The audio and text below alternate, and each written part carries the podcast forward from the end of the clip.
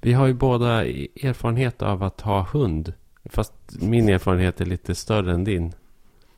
Måste man kanske säga. Min, min är ju väldigt begränsad. Jag, du vet att jag verkligen inte tycker om hundar. Nej, men jag har ju märkt det när du träffar min hund. Att du liksom så här... Äh, jag, håller mig, jag förhåller mig avvaktande och skeptisk. Ja. Och... Men sen helt plötsligt så började du liksom spamma alla dina flöden med bilder på en hundvalp. Ja, den var ju så fotogenik. Eh, nej, men alltså det var ju en hundvalp som, eh, som av olika anledningar eh, dumpades i mitt hem i somras. Ja. Eh, så att jag, jag var matte där ett tag. Mm. Alltså det, det, var ju en extremt söt hundvalp. Ja, visst var den det. Och den var ju en riktig like-raket på, på Instagram. Ja. Ehm, men, men jag kan också säga att den ju faktiskt... Eh, ehm, alltså jag blev ju väldigt säker på, jag vet ju verkligen hur varför jag inte gillar hundar och varför jag inte vill ha hund. Jag har i och för sig aldrig tvivlat på att jag inte är en hundmänniska, men nu när jag vet hur det är att ha hund så är jag ännu mer säker på det.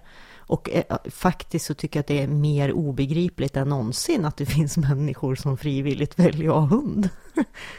Alltså, jag, trodde, ja. jag trodde att du hade landat lite i motsatsen. Nej, nej, alltså, den, alltså, det, var, det, alltså det var en ljuvlig hund, alltså på riktigt. Otroligt jätte, jättesöt och sällskaplig och gossig och härlig. Men den hårade, man skulle gå ut och kissa den, man kunde inte lämna den ensam. Det var alltså, jag kände mig ju mer låst med den där hundvalpen än vad jag någonsin har gjort när jag har haft spädbarn. Så är det ju.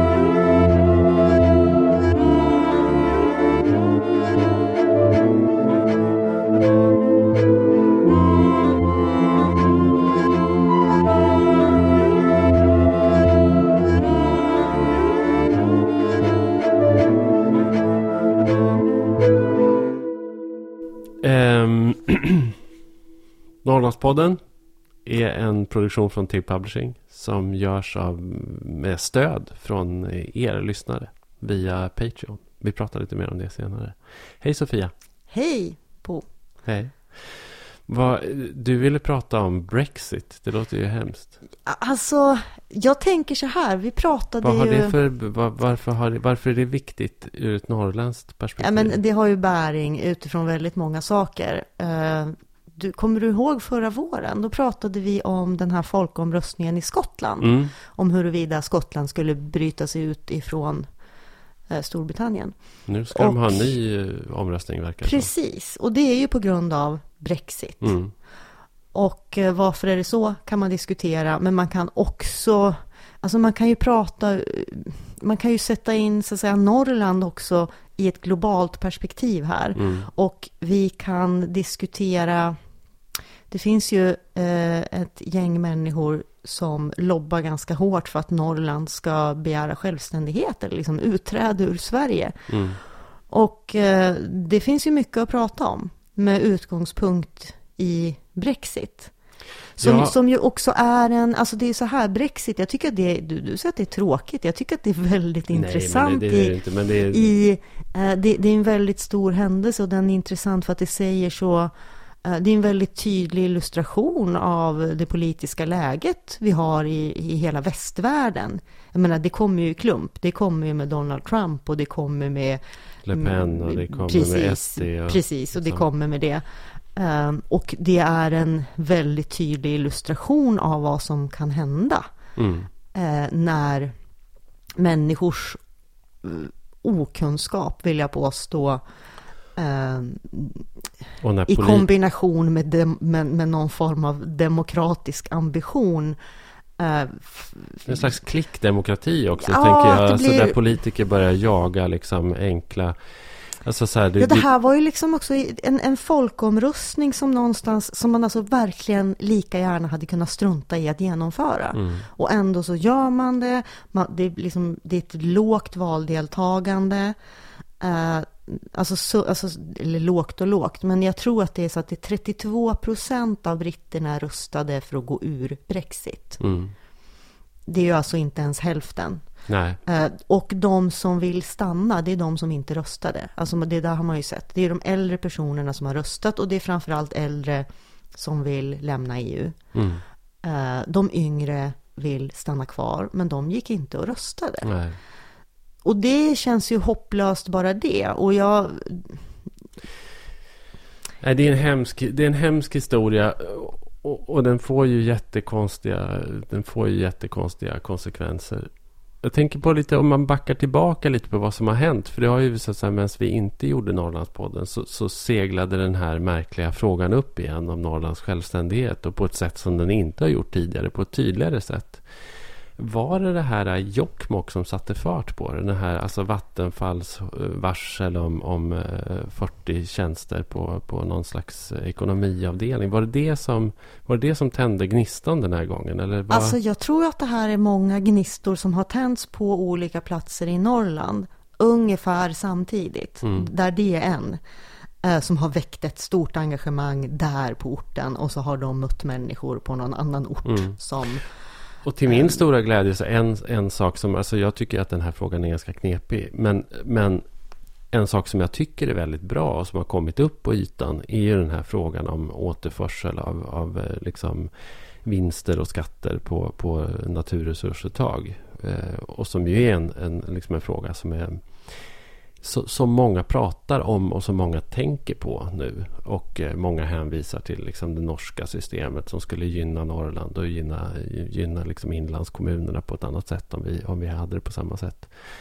Eh, och det, det tycker jag är roligt. Men sen den här frågan om en norrländsk självständighet.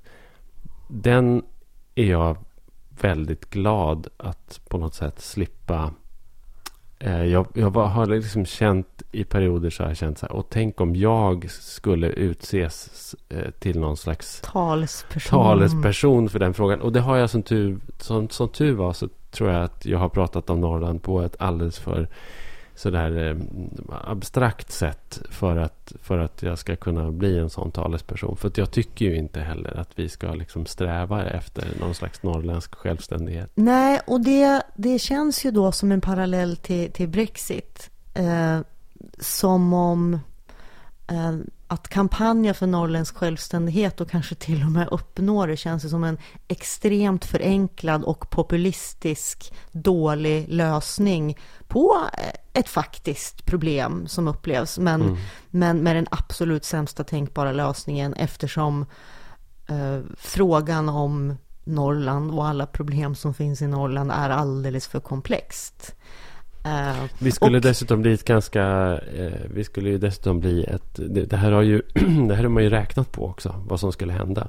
Och det är ju så att rent ekonomiskt så skulle ju Norrland eh, kunna vara en egen, en egen nation. Eh, men vi skulle vara en ganska skakig... Vi skulle vara en ganska skakig nation. Det skulle inte funka särskilt bra. Vi skulle ha...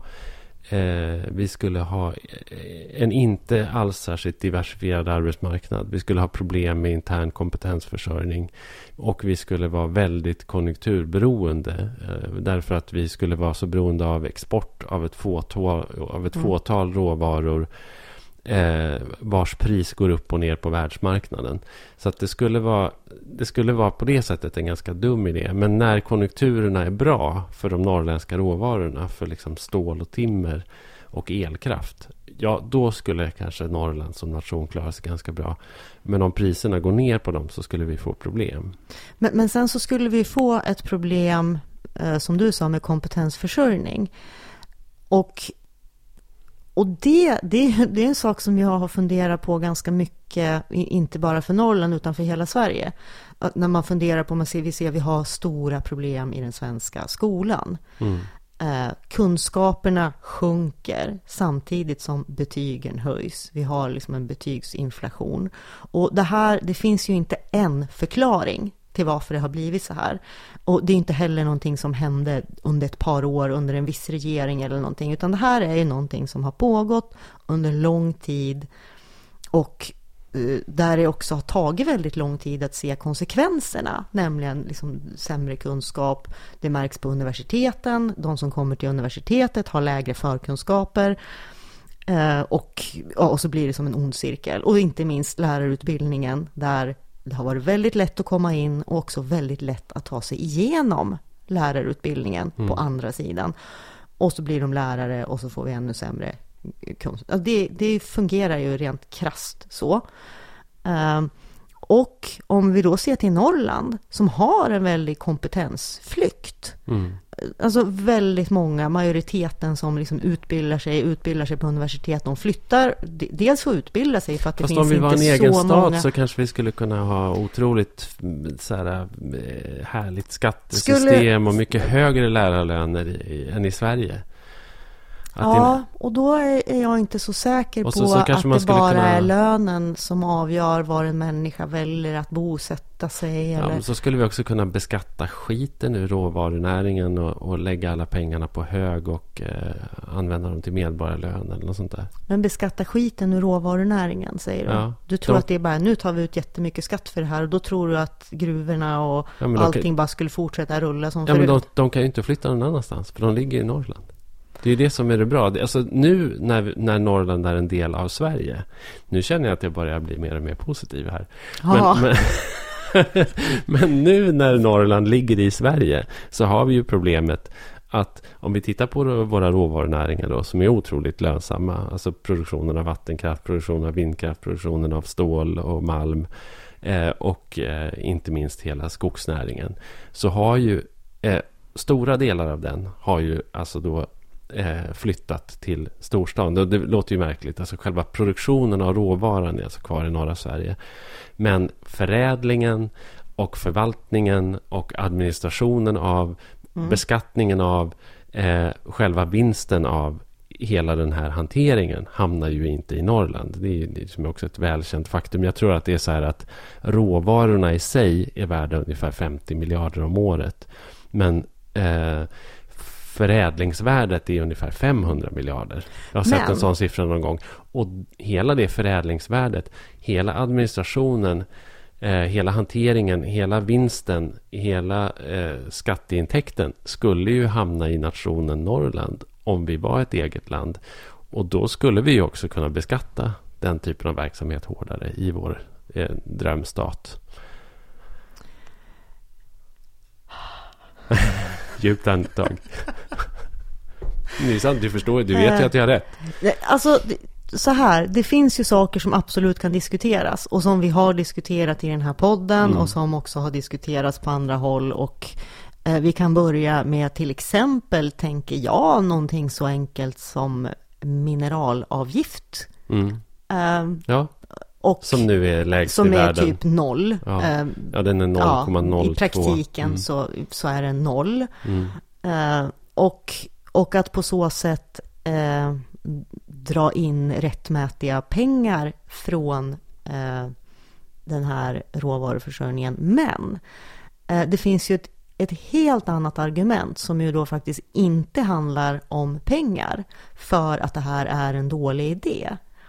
Och det är på samma sätt som att Brexit är en dålig idé. Nämligen att hela världen är skakig, eller mm. hela västvärlden som vi känner den skakar ju verkligen i, i sina grunder just nu. Och eh, det vi behöver då, det är inte mer splittring, utan vi behöver mer sammanhållning. Och här så tänker jag också att Ja, okej, okay. om Norrland vore ett eget land så är det ju såklart helt rimligt att Norrland får del av alla de här inkomsterna från, från allt det här du pratar om. Men för mig är det så enkelt som att Norrland är inte ett eget land. Norrland är en del av Sverige. Eh, I ett land håller man ihop, man delar med sig. Eh, och då menar jag alltså att man tar och man ger olika landsändar. Fast södra Sverige delar ju inte delar ju inte med sig särskilt mycket till oss.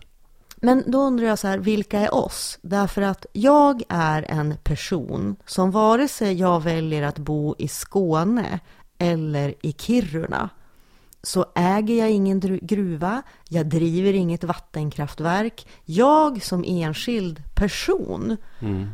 ha, har ju liksom ingen, ingen, jag kan inte känna att jag har större rätt till inkomster från järnmalmen för att jag råkar bo i närheten där den tas än vad jag har om jag bor som att ja, jag bor i Sundsvall jo, som lever det, på skogsindustri. Jag tycker, tycker jag ju inte har. att jag som enskild person har mer rätt till inkomsterna från skogen för att jag bor i Sundsvall än jag skulle ha haft om jag bodde i Stockholm.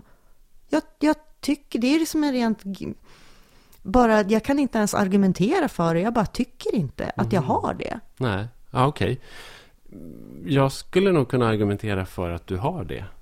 Att det ändå är så att om man lever på en plats eh, där det pågår en verksamhet så är det rimligt att man får del av liksom den, den välfärd som kan skapas av, av den jo, men verksamheten. Den platsen för mig i nuläget är ju Sverige. Det är min plats. Jo, I, men i då det har perspektivet. Ju inte, jo, fast Sen, då har du ju inte den erfarenheten då som du har som boende i Jokkmokk till exempel. Som, nej. Är, som är ett samhälle nej, men det som... På, det säger, ja, nej, det men, har jag ju inte. Nej, men om du bodde i Jokkmokk så tror jag att du skulle ha en annan... Då, då skulle du ha ett annat ingångsvärde som Löfven skulle säga.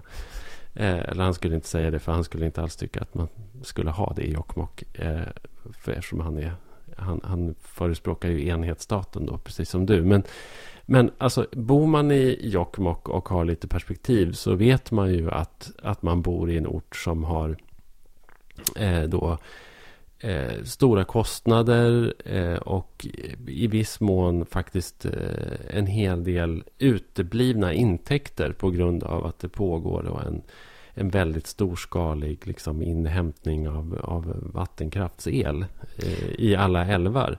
Eh, det skulle kunna pågå en annan verksamhet där, laxfiske, turism eh, etc. Det skulle kunna ske på ett annat sätt. Det skulle kunna skapa lokala arbetstillfällen, eh, vilket det inte riktigt gör. Och nu så ska de arbetstillfällen som ändå finns där till del försvinna då därför att Vattenfall mm. vill centralisera. Men nu pratar ju du om en helt, nu, nu pratar du om ett annat perspektiv som är, ska vi ta ut vattenkraft ur den här älven eller ska vi inte göra ja, det? det? Ska vi använda den till något annat?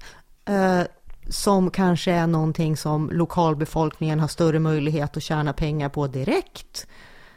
Fast jag känner, Eller... så, jag känner att jag hamnar snett i många diskussioner och det gäller även tv-serien som jag just har gjort. Därför att mitt perspektiv är ofta lokalsamhällets.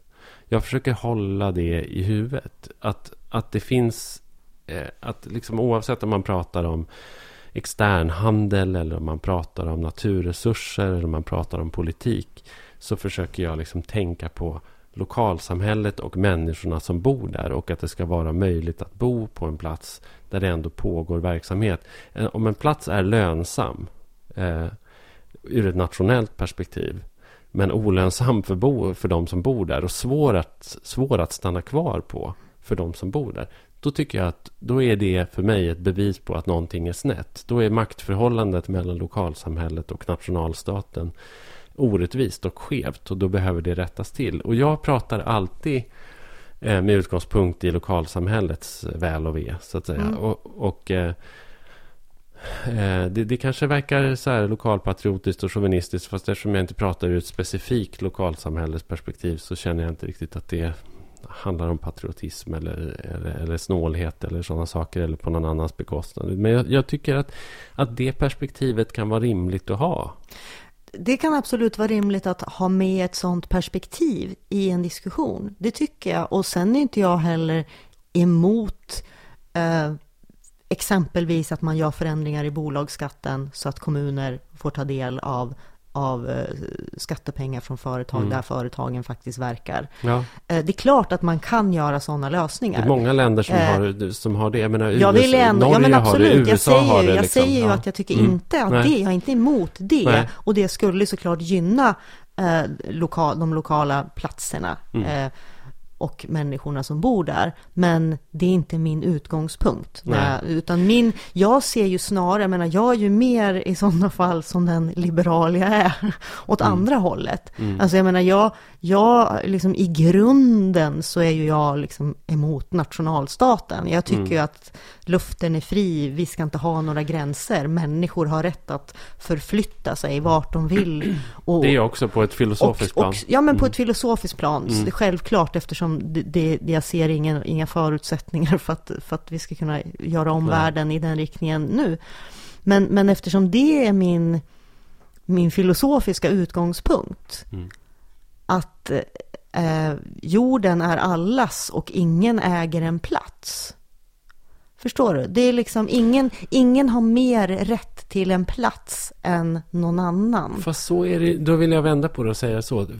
Och, och, då vill jag vända på det helt och hållet. Därför att som det nu är så tycker ju då staten Sverige att den har mer rätt till platsen Jokkmokk än Jokkmokkborna själva.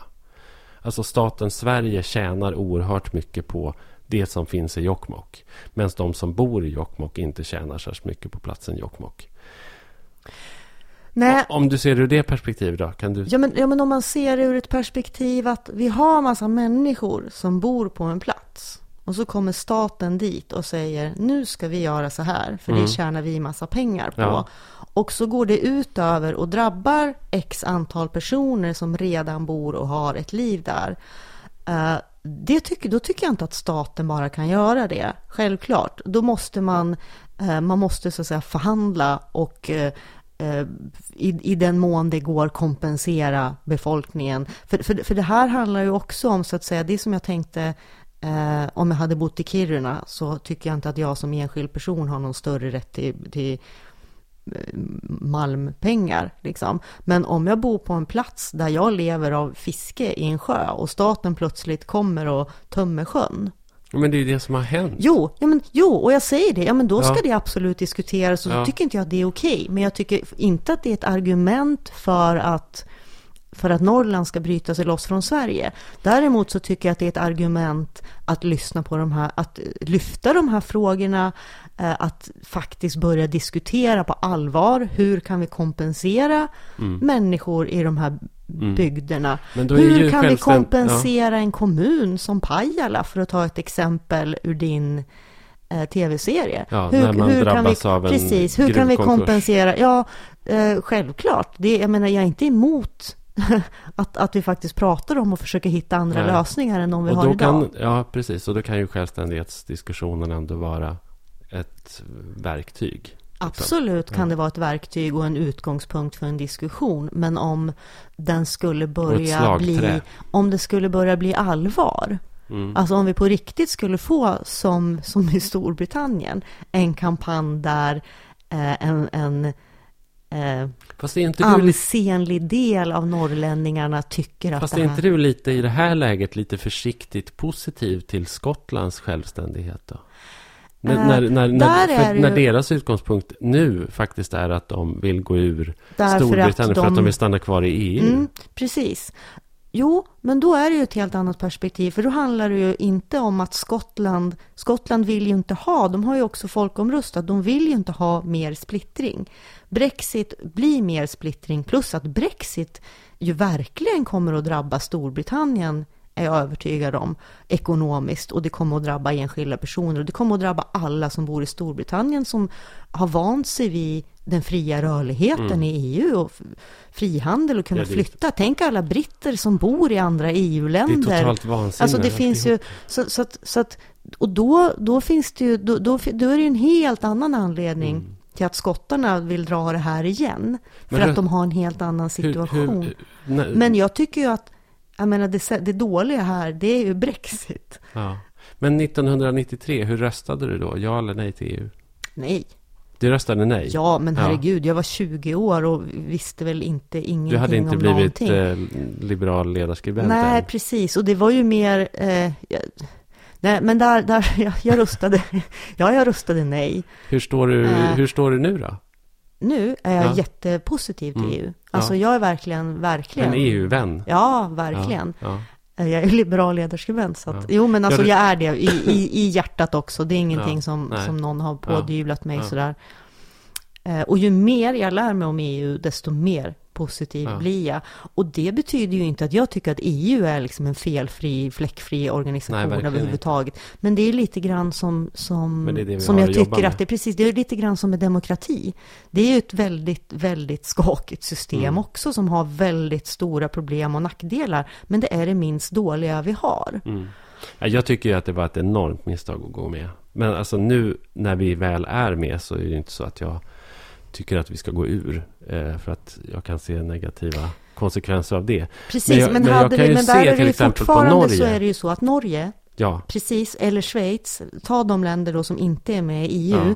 Det är faktiskt ändå så att de ju utnyttjar fördelarna med EU därför att de har lyckats skriva avtal Det hade kunnat EU. göra. Ja, det hade vi också kunnat göra. Men om alla hade resonerat så, då hade det inte funnits något EU. Utan då, nej men förstår du hur Men jag tänker? Att ställa sig utanför och Men de, bara har, få de står inte utanför. De är, de, alltså Norge är anslutna i, i EES-avtalet. Det, är bara att de det är bara att de har vissa Men undantag. det är ju då kan- avtal som inte skulle ha funnits om inte EU Jo. hade funnits från början. Och då tycker jag att antingen så Men Sofia- köper man det och får fördelarna av det. Sen kan jag tänka egoistiskt. Ja, men åh, vad det hade varit trevligt för Sverige om vi hade haft samma villkor som Norge. Det kan jag tänka. Men här, här är ju jag då, då säger jag igen ordet solidaritet. Nej, men ska, Nej, Jo, nej Sofia, nu, här- nej, nu är du ute och cyklar. Nu är du faktiskt på riktigt ute och cyklar. Alltså, så här. Eh, det som Norge har fått undantag för, det är ju då liksom att, att vissa saker, alltså vissa eh, nationella stöd och omfördelningar av pengar betraktas som handelshinder inom EU. Då, det gör det inte där, vilket gör det möjligt för dem till exempel att stödja sin landsbygd på ett sätt som vi inte kan göra. Eh, Det handlar också om att de kan ha skyddstullar på livsmedel, vilket gör att de har ett levande lantbruk. Och de har liksom, jag menar en kommun som jag besökte i, i, i tv-serien till exempel, som har 4 000 invånare, hade 50 mjölkbönder till exempel, vilket är fullkomligt orimligt. I, liksom, i, en, I en kommun med 20 000 invånare i Sverige idag så hittar vi kanske tre mjölkföretag eller sånt där, om vi har tur. Och, och det där har ju att göra med, alltså så här, så att då måste man bara, då, då måste vi istället börja diskutera en annan sak och det är frihandel. Och, och det kanske vi inte ska göra nu, men, men alltså så här, och då måste vi också diskutera vilka det är som tjänar på frihandeln.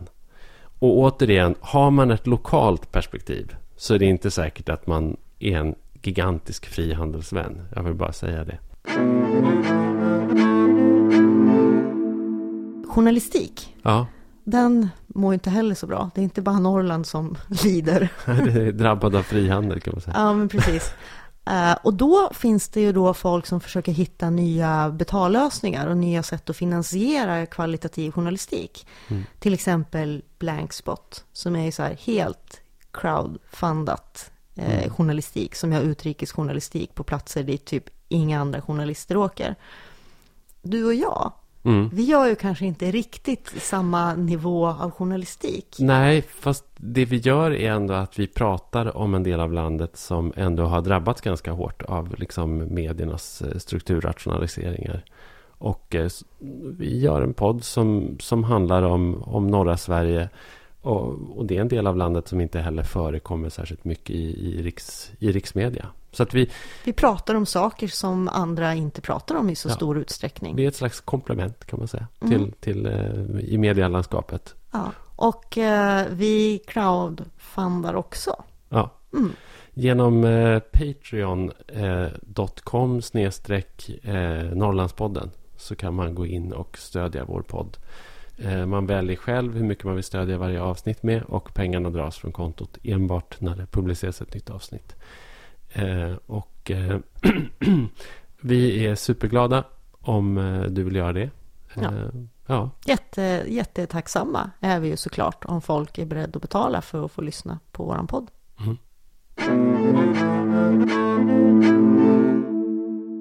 Alltså, det, det pågår ju ett eh, arbete i Sverige nu med nya regionbildningar.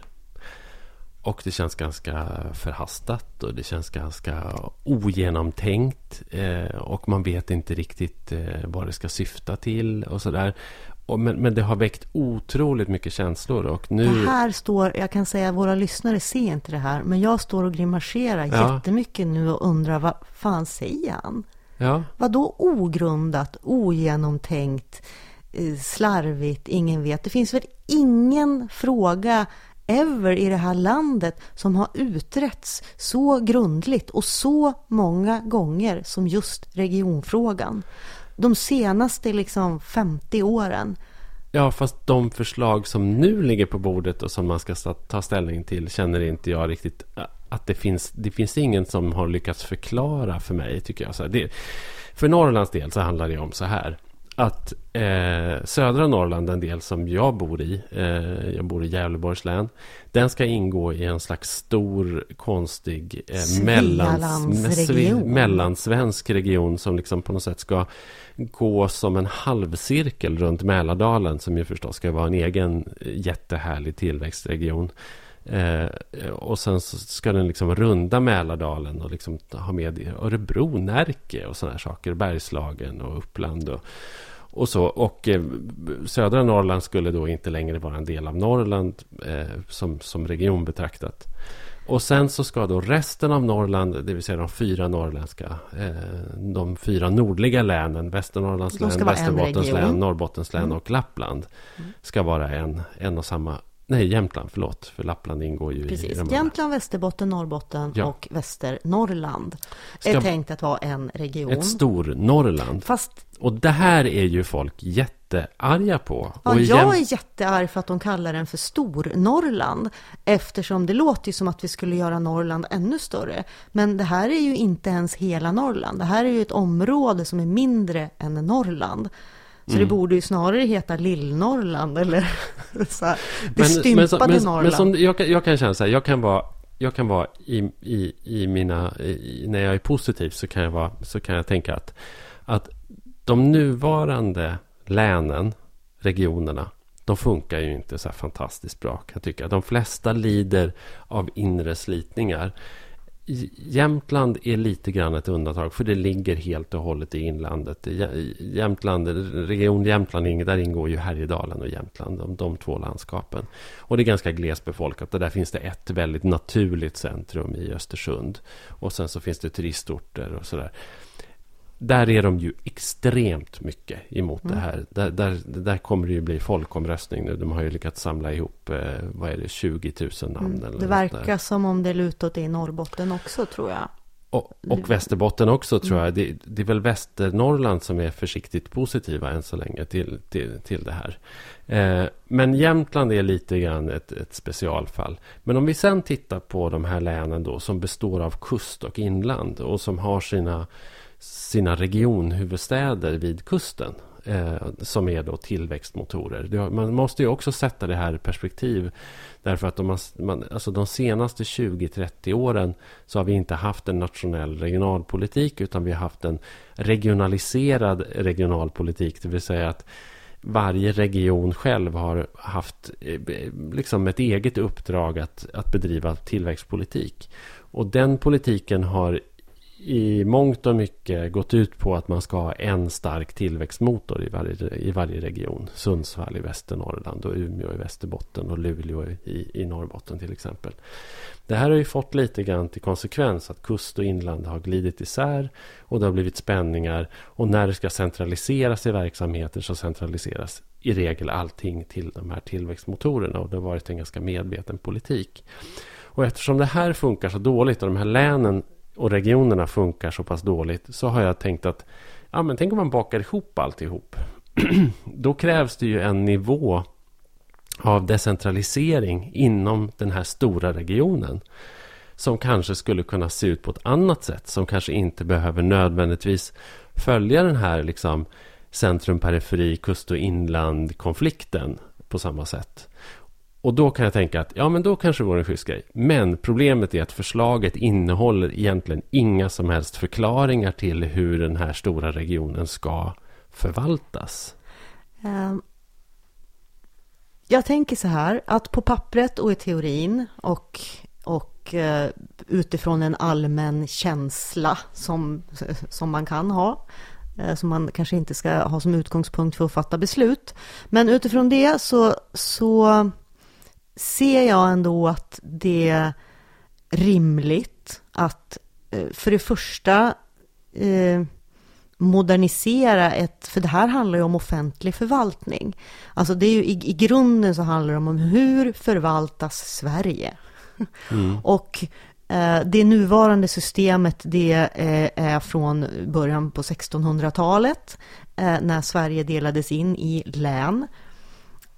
Och, och sen har det fortsatt. Man har haft de här länen och Sverige har ju förändrats otroligt mycket eh, på de här 500 åren. Och det finns av den anledningen, alltså det finns stor anledning att se över systemet. Mm.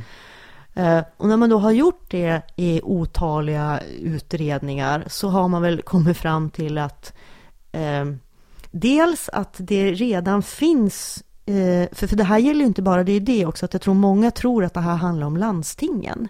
Att det är liksom landstingen som ska slås ihop. Men det här handlar ju om all, så att säga, all förvaltning som har varit utlagd regionalt. Alltså statens förlängda arm ute i landet som Ja, till exempel Länsstyrelsen, det är även så domstolar, det är polisväsendet.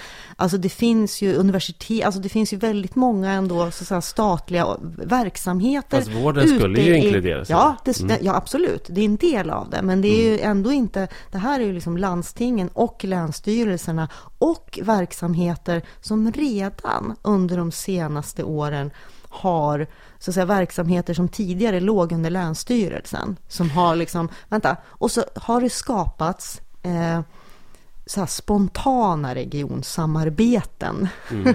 på olika sätt. Olika landsting jobbar ihop, olika andra Eh, regionala verksamheter jobbar ihop.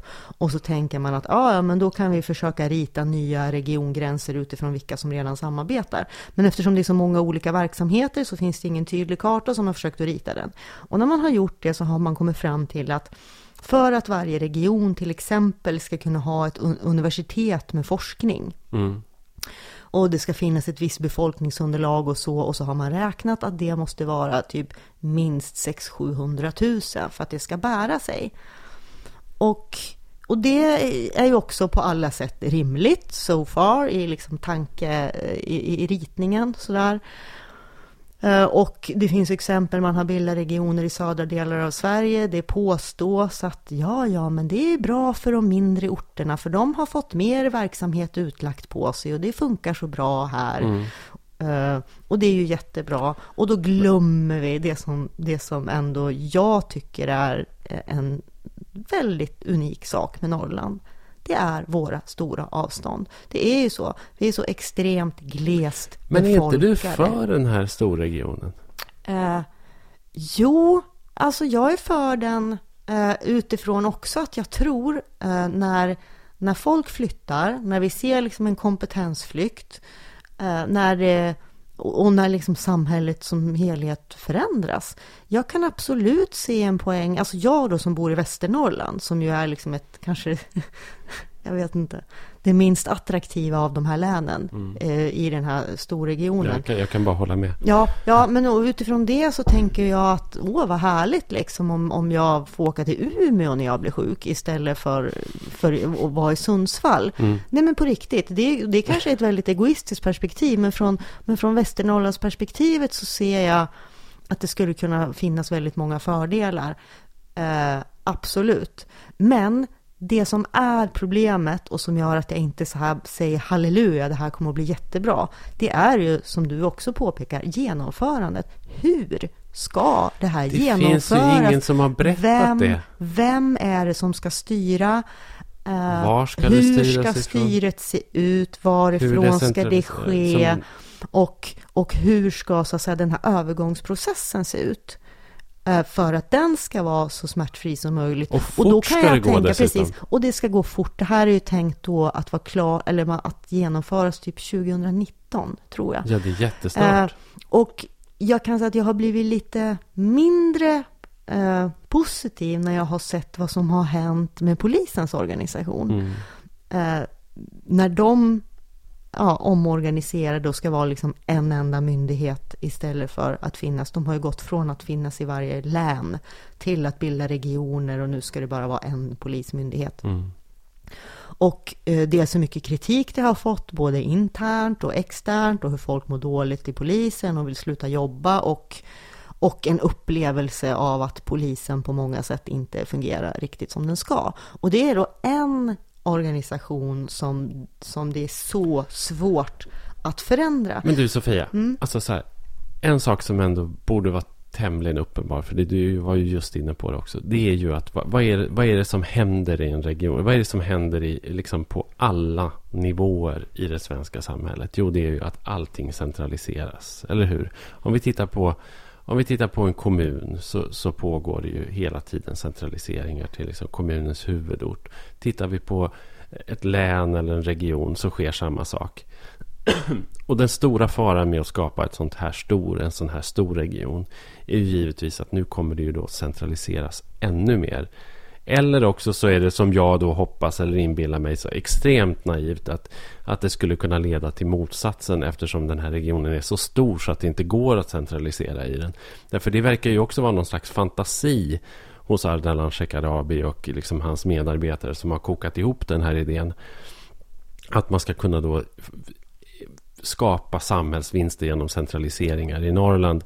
Där, där som du säger, det finns så enormt stora avstånd. Men ser du, alltså så här, jag tycker att den, det är ju verkligen en överhängande mm. risk. Och jag vill mot den risken vill jag ställa en, en förhoppning eller en möjlighet som jag ändå ser. Och det är ju det utifrån självständighetsivrarna. Att här har ni ju faktiskt en möjlighet att åtminstone på ett administrativt plan bli mer självständiga. Mm. Eh, för det är ju så, alltså de här fyra Norrlandslänen, de, ja men eh, det är inte så att de blir självständiga, men de kommer ju att ha, få ett eh, större möjligheter att lobba mot resten av Sverige. För det som finns, det vi ser nu, det tycker jag ändå är, det är ju också som ett, ett krig mellan de fyra Norrlandslänen om vem som ska få olika satsningar, vem som ska bli störst, vem ska vara huvudstaden här eller vem. Så det, det finns ju massor med slitningar mellan de här länen.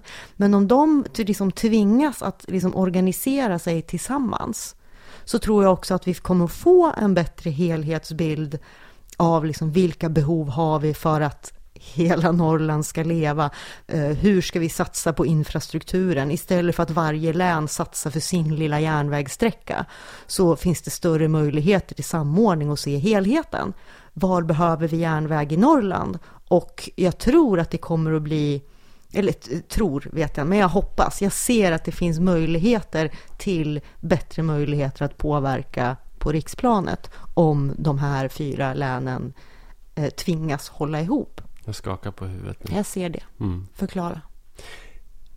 Jag tror att det är en naiv förhoppning. Jag tycker att vi är alldeles för få. Eh, och vi, de här fyra nordliga länen, vad, vad handlar det om i, i, i invånare? Vad, vad, kan det röra sig om? 750 000? 800 000? Ja, det är mer. 800 000 invånare skulle jag säga om man räknar bort Gävleborg. Vad bor det? Det bor knappt en, ja. miljon, ja, knappt en mm. miljon i de fem nordliga länen. Mm. Och sen så räknar vi bort de 150 000 kanske som bor mm, i Gävleborg. Säg 800 000 i, invånare. Som ska ställas då mot att, att det i, i övriga Sverige då bor eh, ungefär 9 miljoner då, eh, människor. 9 miljoner. Uppdelat på fem eller sex regioner. Ja, 9 miljoner väljare eh, får man ju då se. 9 miljoner konsumenter. Eh, och mot det ska ställas 800 000 personer som dessutom bor då liksom i, i en samlad... Ja, fast det är ju inget, så är det ju nu med. Det, den, den situationen förändras ju inte. Jag vet inte hur det skulle vara jag... svårare för 800 000 att slåss mot 9 miljoner än vad det är för liksom 200 000 Fast i ett Norrlandslän alltså idag. Den typen av samarbeten som du, som du tänker dig skulle underlättas, de sker ju redan. Det är ju, fortfarande, det är ju redan nu så att, att liksom, eh, arbetet för att eh, modernisera och bygga ut Ostkustbanan till exempel och med, med eh, Botniabanan och Norrbotniabanan och sådär. Det, det, sker ju redan i, det sker ju redan i samarbete mellan alla de här länen. Och, så att, så att, jag vet inte. Jag, jag, tror bara inte. Jag tror inte att man blir mäktigare. Jag tror risken är att man, att man kanske till och med blir till och med blir svagare. Därför att man talar med en liten pipig stämma istället för fyra eh, bullriga kanske. Men jag vet inte. Jag skulle bara, jag skulle bara vilja se jag skulle bara vilja se den där planen. Ja, hur ska styret se ut? Därför att som, ja. så, för, för nu så känns det som att om det här ska forceras igenom så kommer det sluta med att Umeå blir Norrlands huvudstad. Mm. Vilket på sätt och vis är rimligt och betydligt mycket rimligare än att det skulle ja, vara Sundsvall. Ja, liksom. eh, och att eh, väldigt mycket makt kommer centraliseras där. Eh, och att, ja, jag vet inte. Det kanske uppstår. Det, det, det sker, jag tänker också att, att en sån här regionalisering eh, ökar på en professionalisering av politiken. Att vi får eh, starkare politiker, eh, mer professionella politiker, eh, starkare tjänstemän, starkare enskilda tjänstemän. Att det, att det kan också Jag är bli... inte helt säker på att det är en dålig sak. Både och skulle jag säga. Mm. Uh, jag vet inte det, det återstår väl att se. Liksom. Jag, jag, jag, förstår ju de som, jag förstår ju de som är emot också. Liksom. Ja, ja, men jag tänker också på, eh, om man tänker sjukvården, landstinget, alla de här landstingen, det går liksom hackigt och dåligt och mm. Eh, minussiffror och um, Alltså ja, ja, nu använder jag ett ord som du, du nyss använde. En pro, alltså att, att, att jag tror att om man slår ihop dem och man tillsammans måste liksom ta fram det bästa vi kan av de här skatteintäkterna, att det blir en liksom professionalisering. Eh, alltså det här, men det här, det är som du säger, det kanske är jättenaiva förhoppningar. Mm. Att jag tror att man ska börja sköta landstinget som ett... Eh, alltså men säg då till exempel att du bor... Eh, nu, nu bor du liksom i någon avkrok. Du bor i Arvidsjaur eller, ja. eller, eller någonting sånt. Och sen så händer det saker i Arvidsjaur som, som då är liksom måste lösas eh, centralt i, den här, i det här nya regionstyret då, som sitter långt, långt eh, söderut vid kusten i, i Umeå. Hur ser den enskilda medborgarens möjlighet ut att påverka de ja. då professionaliserade politiker och de allt mäktigare tjänstemännen som sitter då i en byggnad i Umeå. Hur ser den möjligheten att, ut? Jag tror inte att den är jättemycket mindre än vad den är nu. Jag menar, det kan vi se redan eh, inför alla val. Så här. Hur många som röstar som går och röstar har egentligen koll på sina landstingspolitiker. Eller, alltså alla bryr sig om vården, men nästan ingen bryr sig om landstingspolitik. Nej. Så är det. Ja, De, är det. Man har koll på liksom kommunen, man har koll på sitt mm. kommunalråd, för det är det närmaste, det är liksom det decentraliserade. Mm. Man har koll på riksdag och regering. Men landstinget faller alltid mellan stolarna och det ser jag ju även i, liksom, det, kan, det kan vi ta på oss som jobbar med media, bevakningen av landstingspolitiken och politikerna inför val, den är ju inte alls på samma sätt som kommunen och riksdagen. Så jag tror inte att den grejen, jag tror inte att det kommer att bli så stor skillnad. Det mm. tror jag snarare tvärtom, att ju större enhet och ju mer professionalism, desto lättare att nå ut så att folk åtminstone får någon koll på vilka det är som, som styr här i den här regionen. Ju mer vi pratar om det här, desto mer peppad har jag blivit nu på, Aha, på, ett, på självständigt, ett självständigt Norrland. På ett självständigt Norrland. Jag bara känna det att, att, det, att jag svängde här under den här inspelningen. Eh, att jag, jag, är inte riktigt redo att ställa mig bakom än, men jag, jag, är, jag är på väg. Ja, jag men kan, då, tyck, då tänker jag bara att vi behöver mer sammanhållning och mindre splittring i Europa och i västvärlden. Men jag tänker också på det här som de har pratat om i Skottland, som jag tyckte lät så fint, det här med, med en, en inkluderande eh, nationalism. Ja, det har vi det, pratat om förut. Ja. Ja, och det är väl den som gör att de inte vill höra, alltså, höra ja. till Storbritannien. Ja.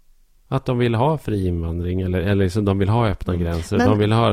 men vet du det om Brexit förresten? Att de som då har röstat för Brexit, mm. det är i väldigt hög grad personer som bor på mindre orter, som hittills har haft väldigt låg invandring och som nu ja, ja. har fått alltså EU-invandring från eh, Polen till mm. exempel. Eh, och Eh, som av den anledningen helt plötsligt tycker att oj, oj, oj, nu har det öppnat liksom en polsk butik på min gata, mm. vad hemskt så här. Och så mm. vill de eh, lämna, lämna EU.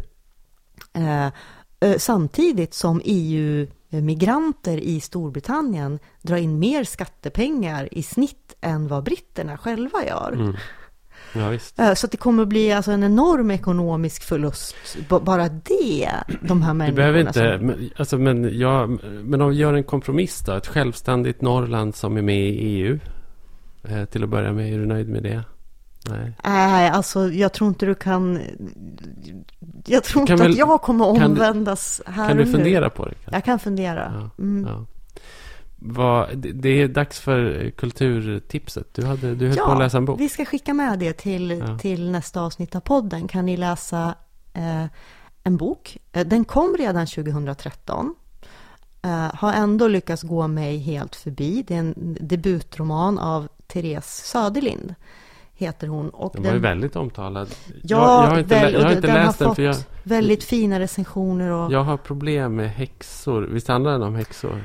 Eh, ja, alltså den handlar ju om så att säga häxbränning på 1600-talet. Mm. Eller, ja, eh, den heter Vägen till Bålberget. Men det är inte bara det den handlar om, utan det är som en släktkrönika med flera parallella historier. Vi får följa en, eh, en medelålders man i Kramfors på 70-talet och bara det. Och den är väldigt, väldigt välskriven och i detaljer och i språk. Så jag känns ju som om jag förflyttas tillbaka till min barndom på 70-talet.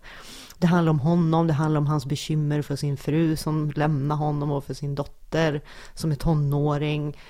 Eh, och en parallell historia då, det är liksom förfäder till den här mannen och hans dotter då.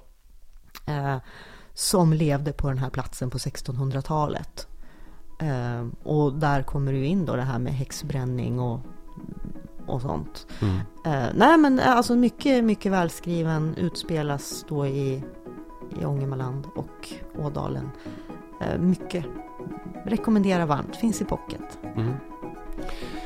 Eh, kom ihåg det här med patreon.com snedstreck Norrlandspodden och Eh, så hörs vi snart.